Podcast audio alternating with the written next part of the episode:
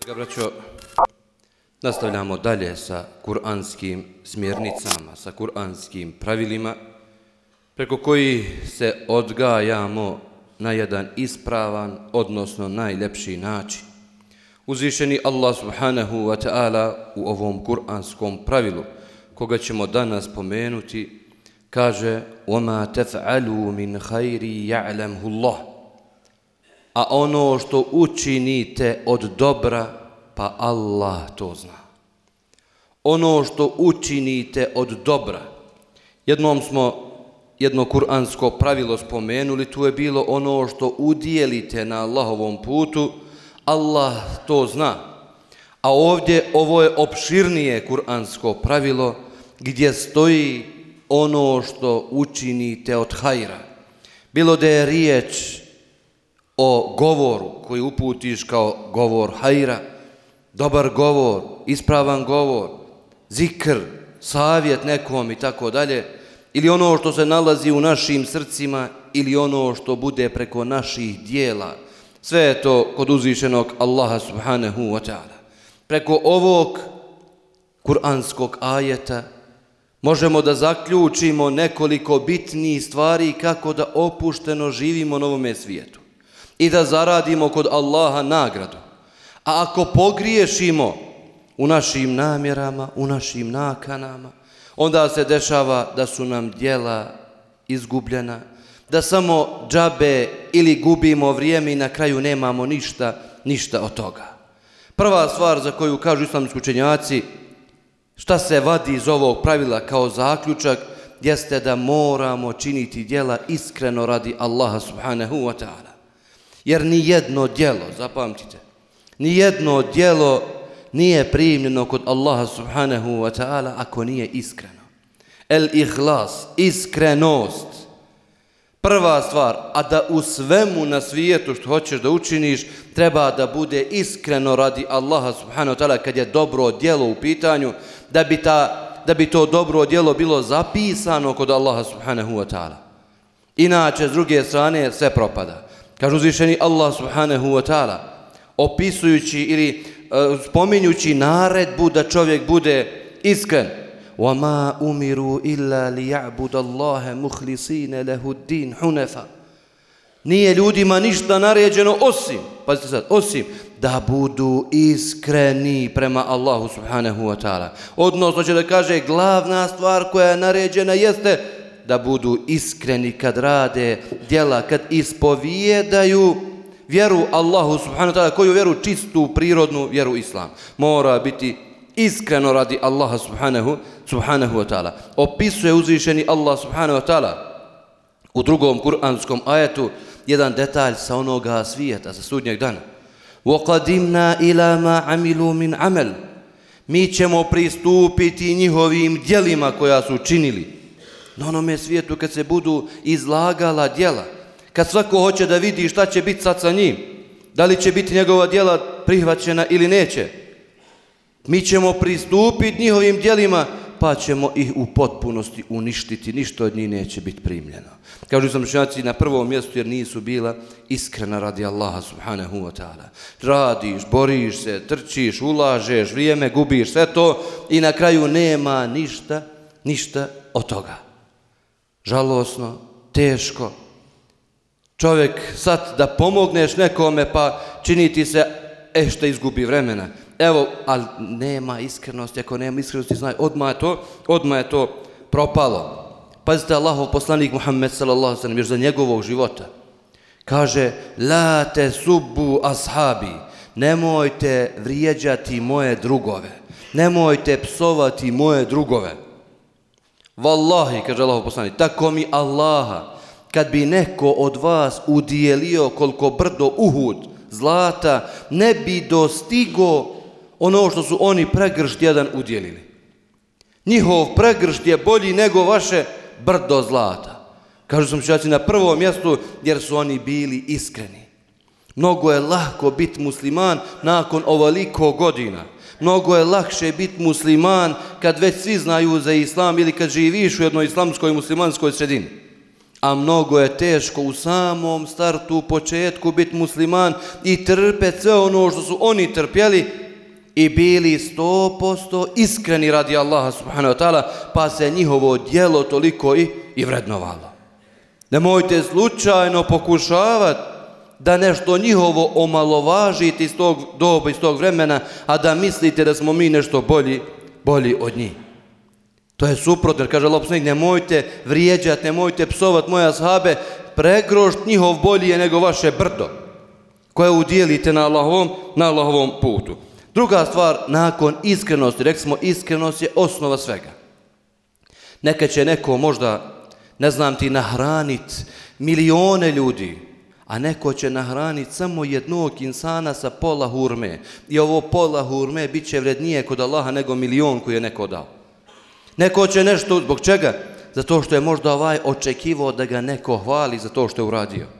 A ovaj drugi imao je to pola hurme i striktno radi Allaha je to uradio i dobit će veću nagradu nego ovaj koji je sve to uradio. Nemoj da dozvolimo da udjeljujemo ili radimo neka dobra djela pa onda dođemo praznih ruku na onome svijetu, a to je zbog, zbog iskrenosti. Znači uvijek treba čovjek da bude iskren radi Allaha subhanahu wa ta'ala. Druga stvar iz ovog pravila koja se zaključuje, a sve što učinite Allah zna, jeste da čovjek treba da živi opušteno. Da čovjek treba da ima mir u svojoj duši. Zbog čega? Na prvom mjestu dešava se sad pomogneš bratu, pomogneš komšiji, pomogneš prijatelju, međutim on ti suprotno uzvrati tome. On ti suprotno uzvrati. Kad kažem pomogneš, ne misli ovdje opet materijalno samo, na bilo koji drugi način. Stoji u primjeru jednom da je neki od saudijskih alima, kaže, zalagao se, zalagao se, zalagao se čovjeka da ga izvadi iz zatvora. Pa su, trebala glava da mu se osjeće. Pa su ga izvadili iz zatvora. Kaže, nije malo prošlo ovaj koji je bio u zatvoru, trebao je da bude pogubljen, trebao je, on je, kaže, protekfirio ovoga Alima koji se borio da ga izvadi iz zatvora i što je uradio, kaže, ti si kafir, ti si nevernik, ti si, pa ja sam te spasio da ne pogineš, da bi ti bio dobar Allahov rob, ti mi vraćaš na takav način. Međutim, kaže, nije ovaj uzvraćao, nije uzvraćao, nije prošlo malo, Allah je dao ovog su pogubili drugi put, više nije bilo zagovaranja, više nije bilo ništa, uhvatili ga drugi put i završeno je bilo. Jer mnogo puta se dogodi da ljudi nisu kadri da uzvrate na tvoje dobro. Pazite Allahov poslanik Muhammed s.a.v. kako ukazuje ljudima kad neko nekom učini dobro. Kaže Allahov poslanik Muhammed s.a.v. kad vam neko učini dobro, nagradite ga. Ako nemate da ga nagradite, makar proučite dovu. Makar recite Allah te nagradio, Allah ti dao svako dobro, Allah te pomogao, Allah ti na takav način ako nemaš neki način, metodu, da drugi način da mu uzvratiš. I zato kažem, insan koji radi, striktno radi Allaha subhanahu wa ta'ala svoja djela, ne boji se kako će ljudi da mu uzvrate, jer u samom startu ništa nisi očekivao. Ovdje je mnogo bitno. Ja puno puta govorim, kad smo sa ljudima, kad poslujemo, kad kažem poslujemo, mislim da im pomogneš, da vamo, nemoj da očekuješ ništa. Uvijek idi na nulu. Uvijek idi na nulu. Brate, ja nisam ti pomogao, primjera, da drva, da bi očekivao da mi se zahvališ. Nisam. Ko mi se zahvališ, zahvali. Ko mi... Hoću radi Allaha, subhanahu ta'ala. Nisam ti tad pozajmio para da bi ti prenosio ljudima, pozajmio im par. Ne, ne, ja to radi Allaha sam uradio. Ko ti pričao, nije, ko jeste sve na nulu ideš. Ako on uzvrati dobro, alhamdulillah, Allah dao beričete, uzvratio mi je dobro. A ako ne, nemoj da očekuješ ništa. Jer ashabi, drugovi Allah poslanika su govorili, ako te neko opsuje, nemoj da mu uzvraćaš na takav način. Ako te neko potkrada, nemoj da ga potkradaš. Ako ti neko, zbog čega, pa ti ne možda padaš u grije zbog njega, ti tvoja djela radiš radi Allaha subhanahu wa ta'ala, treba da ga zaustaviš, da se to ne dešava. Ako možeš da ga zustaviš, a nikako da mu uzvratiš istom mjerom na ono što je grijeh prema Allahu subhanahu wa ta'ala. Ne smije čovjek da na takav način, na takav način postupa. Uzvišeni Allah subhanahu wa ta'ala opisuje stanovnike dženneta koji će govorit innema nut'imukum li wajhi Allahi la nuridu minkum jazaa'a wala shukura. Kad su stanovnici dženneta ti dobri, odabrani, kad su pomagali ljude na ovome svijetu, Pa su govorili, mi ovo radimo samo radi Allaha, ne očekujemo od vas nikakvu zahvalu. Ne očekujemo zahvalu, slobodno, možda radiš što hoćeš, ne očekujemo nikakvu zahvalu. Mi ovo radimo radi Allaha subhanahu wa ta'ala. Pazite Abu Bekr, jedan od najboljih ashaba, odnosno najbolji ashab koji je bio, znači nakon Allahovog poslanika, Abu Bekr je najbolji. Stoji da su njegovu čerku optužili za nemoral. Njegovu čerku, najboljeg insana čerku. Ona je ujedno i žena Allahovog poslanika. Aisha radijallahu anha optužile za nemoral, munafici iskoristili priliku. Koji su jedva čekali da uzdrmaju muslimane. I dan danas imate munafika koji jedva čekaju da neko zlo prošire kad je vezano za muslimane, za islam, za džema, da nešto izmisle, da nešto naprave, da bi ljudi pobegli iz džamije, da bi se tako dalje.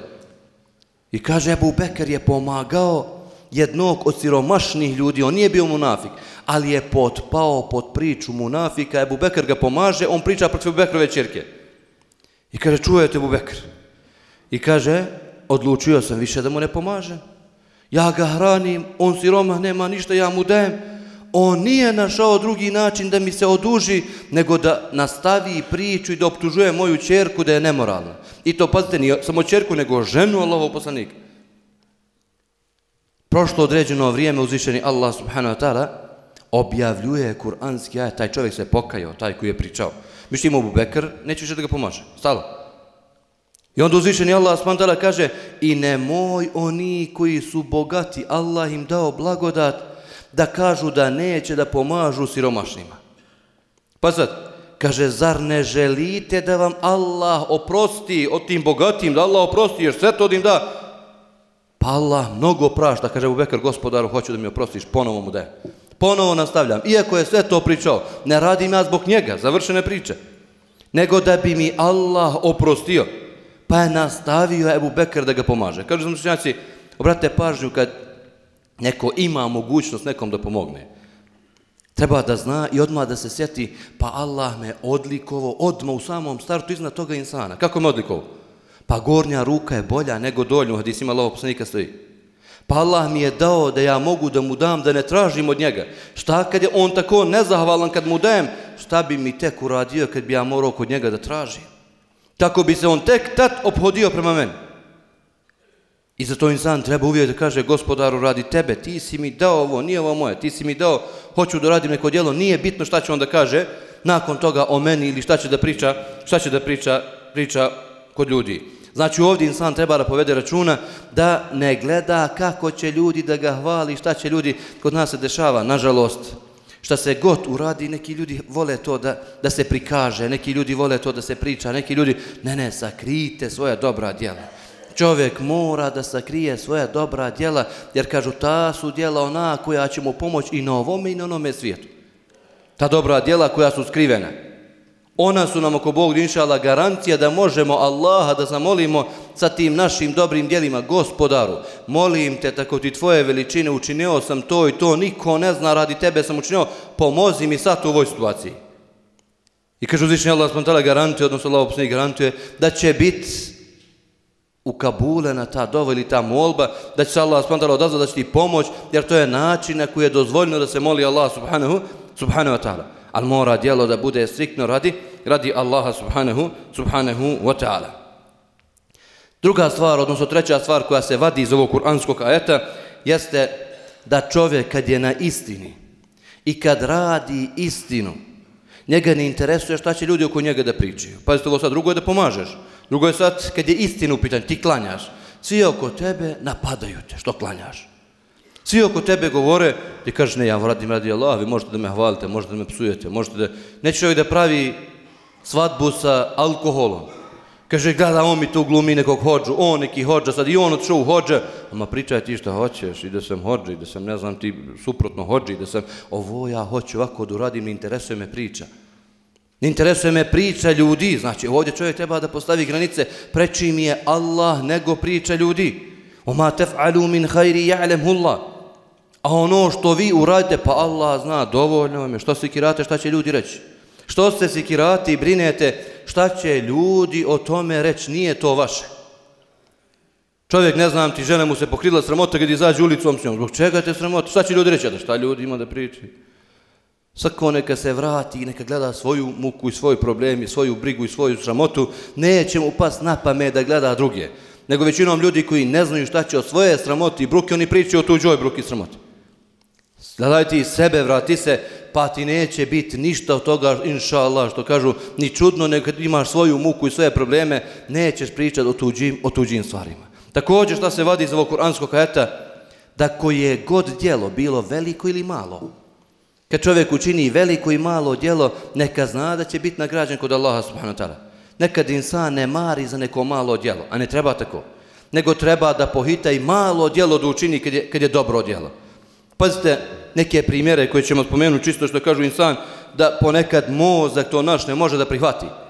Kaže Allahov poslanik Muhammed sallallahu alaihi wasallam. Prošla je nemoralna žena, bludnica.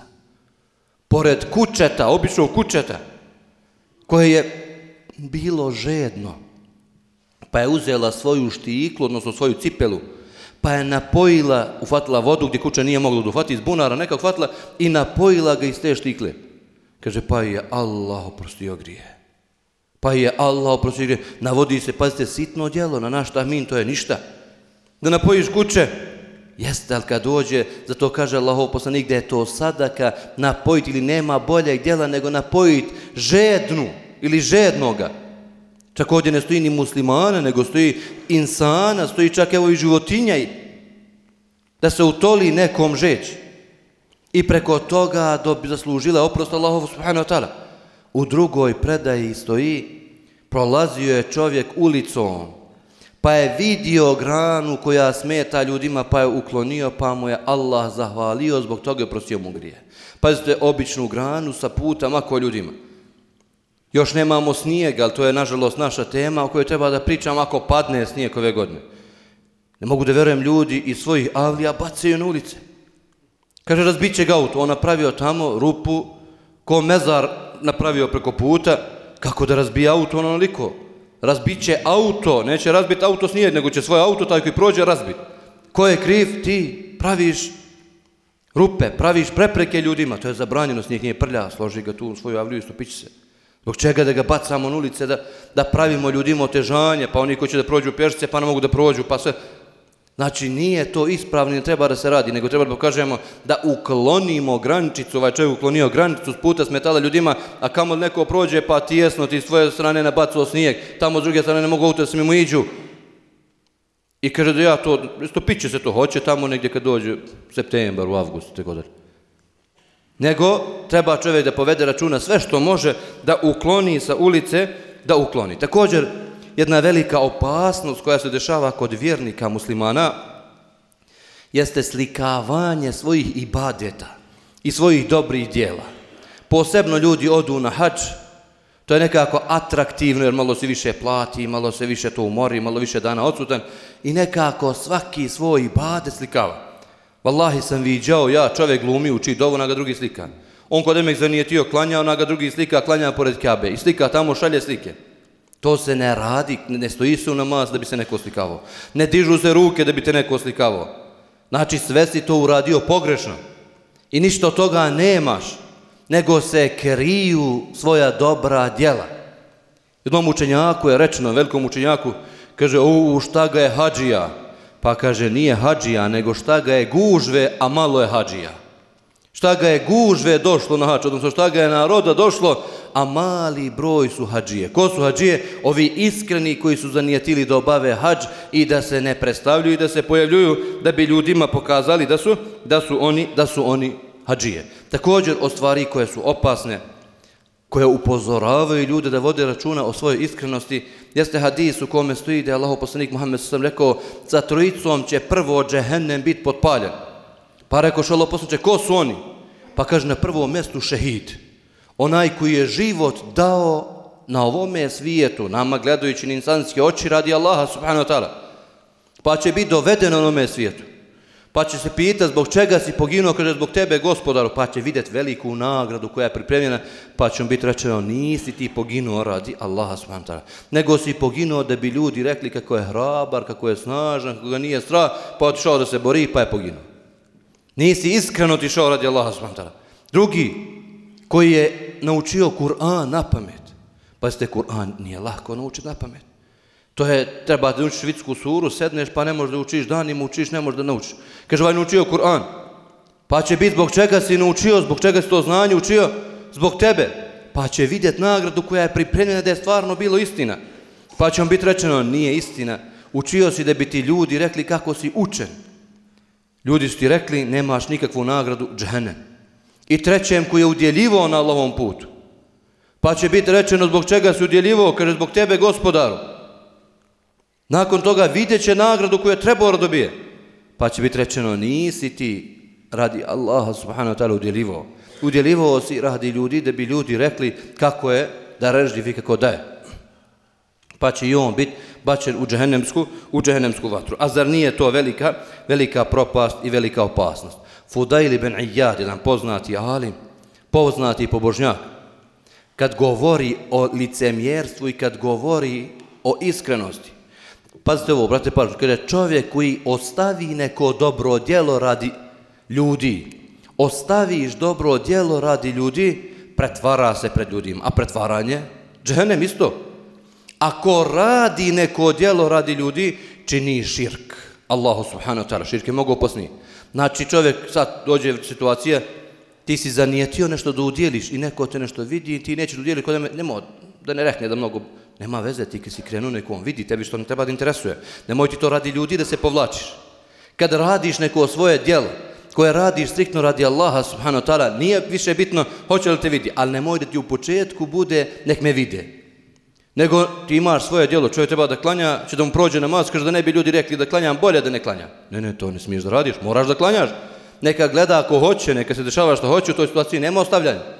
A onaj koji u početku, ko što malo čas pomenu smo, u, u početku svoga djela, hoću da klanjam da bi ljudi vidjeli, kaže čini širka Allahu subhanahu ta'ala, zbog ljudi klanja, ne klanja radi Allaha subhanahu ta'ala. A ispravan je, kaže on, a ispravan je onaj koga Allah sačuva ove dvije stvari pa bude između njih. Pazite kako se još navodi u Kur'anu, uzvišnji Allah s.w.t. kad spominje mlijeko, odakle izlazi. Kaže Allah, daje vam mlijeko čisto, sveže, procijeđeno faktički, koje se stvara između krvi i mokraće.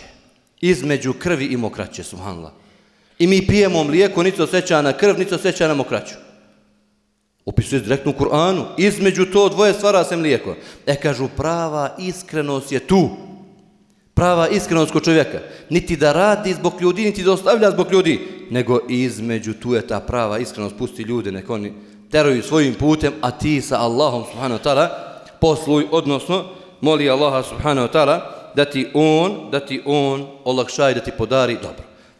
Završavamo sa kuranskim ajetom gdje uzvišeni Allah subhanahu wa ta'ala kaže i'malu, radite, fe se amelakum. Allah će vidjet vaša dobra djela, vidjet će ih poslanik i vidjet će ih vjernici. Na što ovo uludira?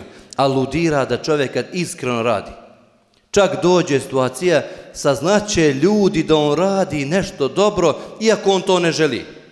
Pa će možda doći situacija da ga ljudi pohvale, iako on to ne želi da ga pohvale tad nemoj da ti je teško. Jer Allah je htio to da se objelodani, da se vidi, vidjet će Allah, subhanu ta'ala, tvoje dobro djelo, bit će nagrađen na ovome na onome svijetu, vidjet će poslanik, znaće da si dobar njegov ashab, njegov drug, i vidjet će vjernici, znaće oni da oko tebe je hajr, i kad si ti prisutan da je tu hajr, da hoćeš da pomogneš, tako dalje, pa makar ti to ne želeo da se zna, neće Allah nikom ostati, ostati dužan. Rekao ovo što čujete, molim Allaha gospodara svjetova da oprosti meni, vama i svim muslimanima širom svijeta. Amin, ja rabbela.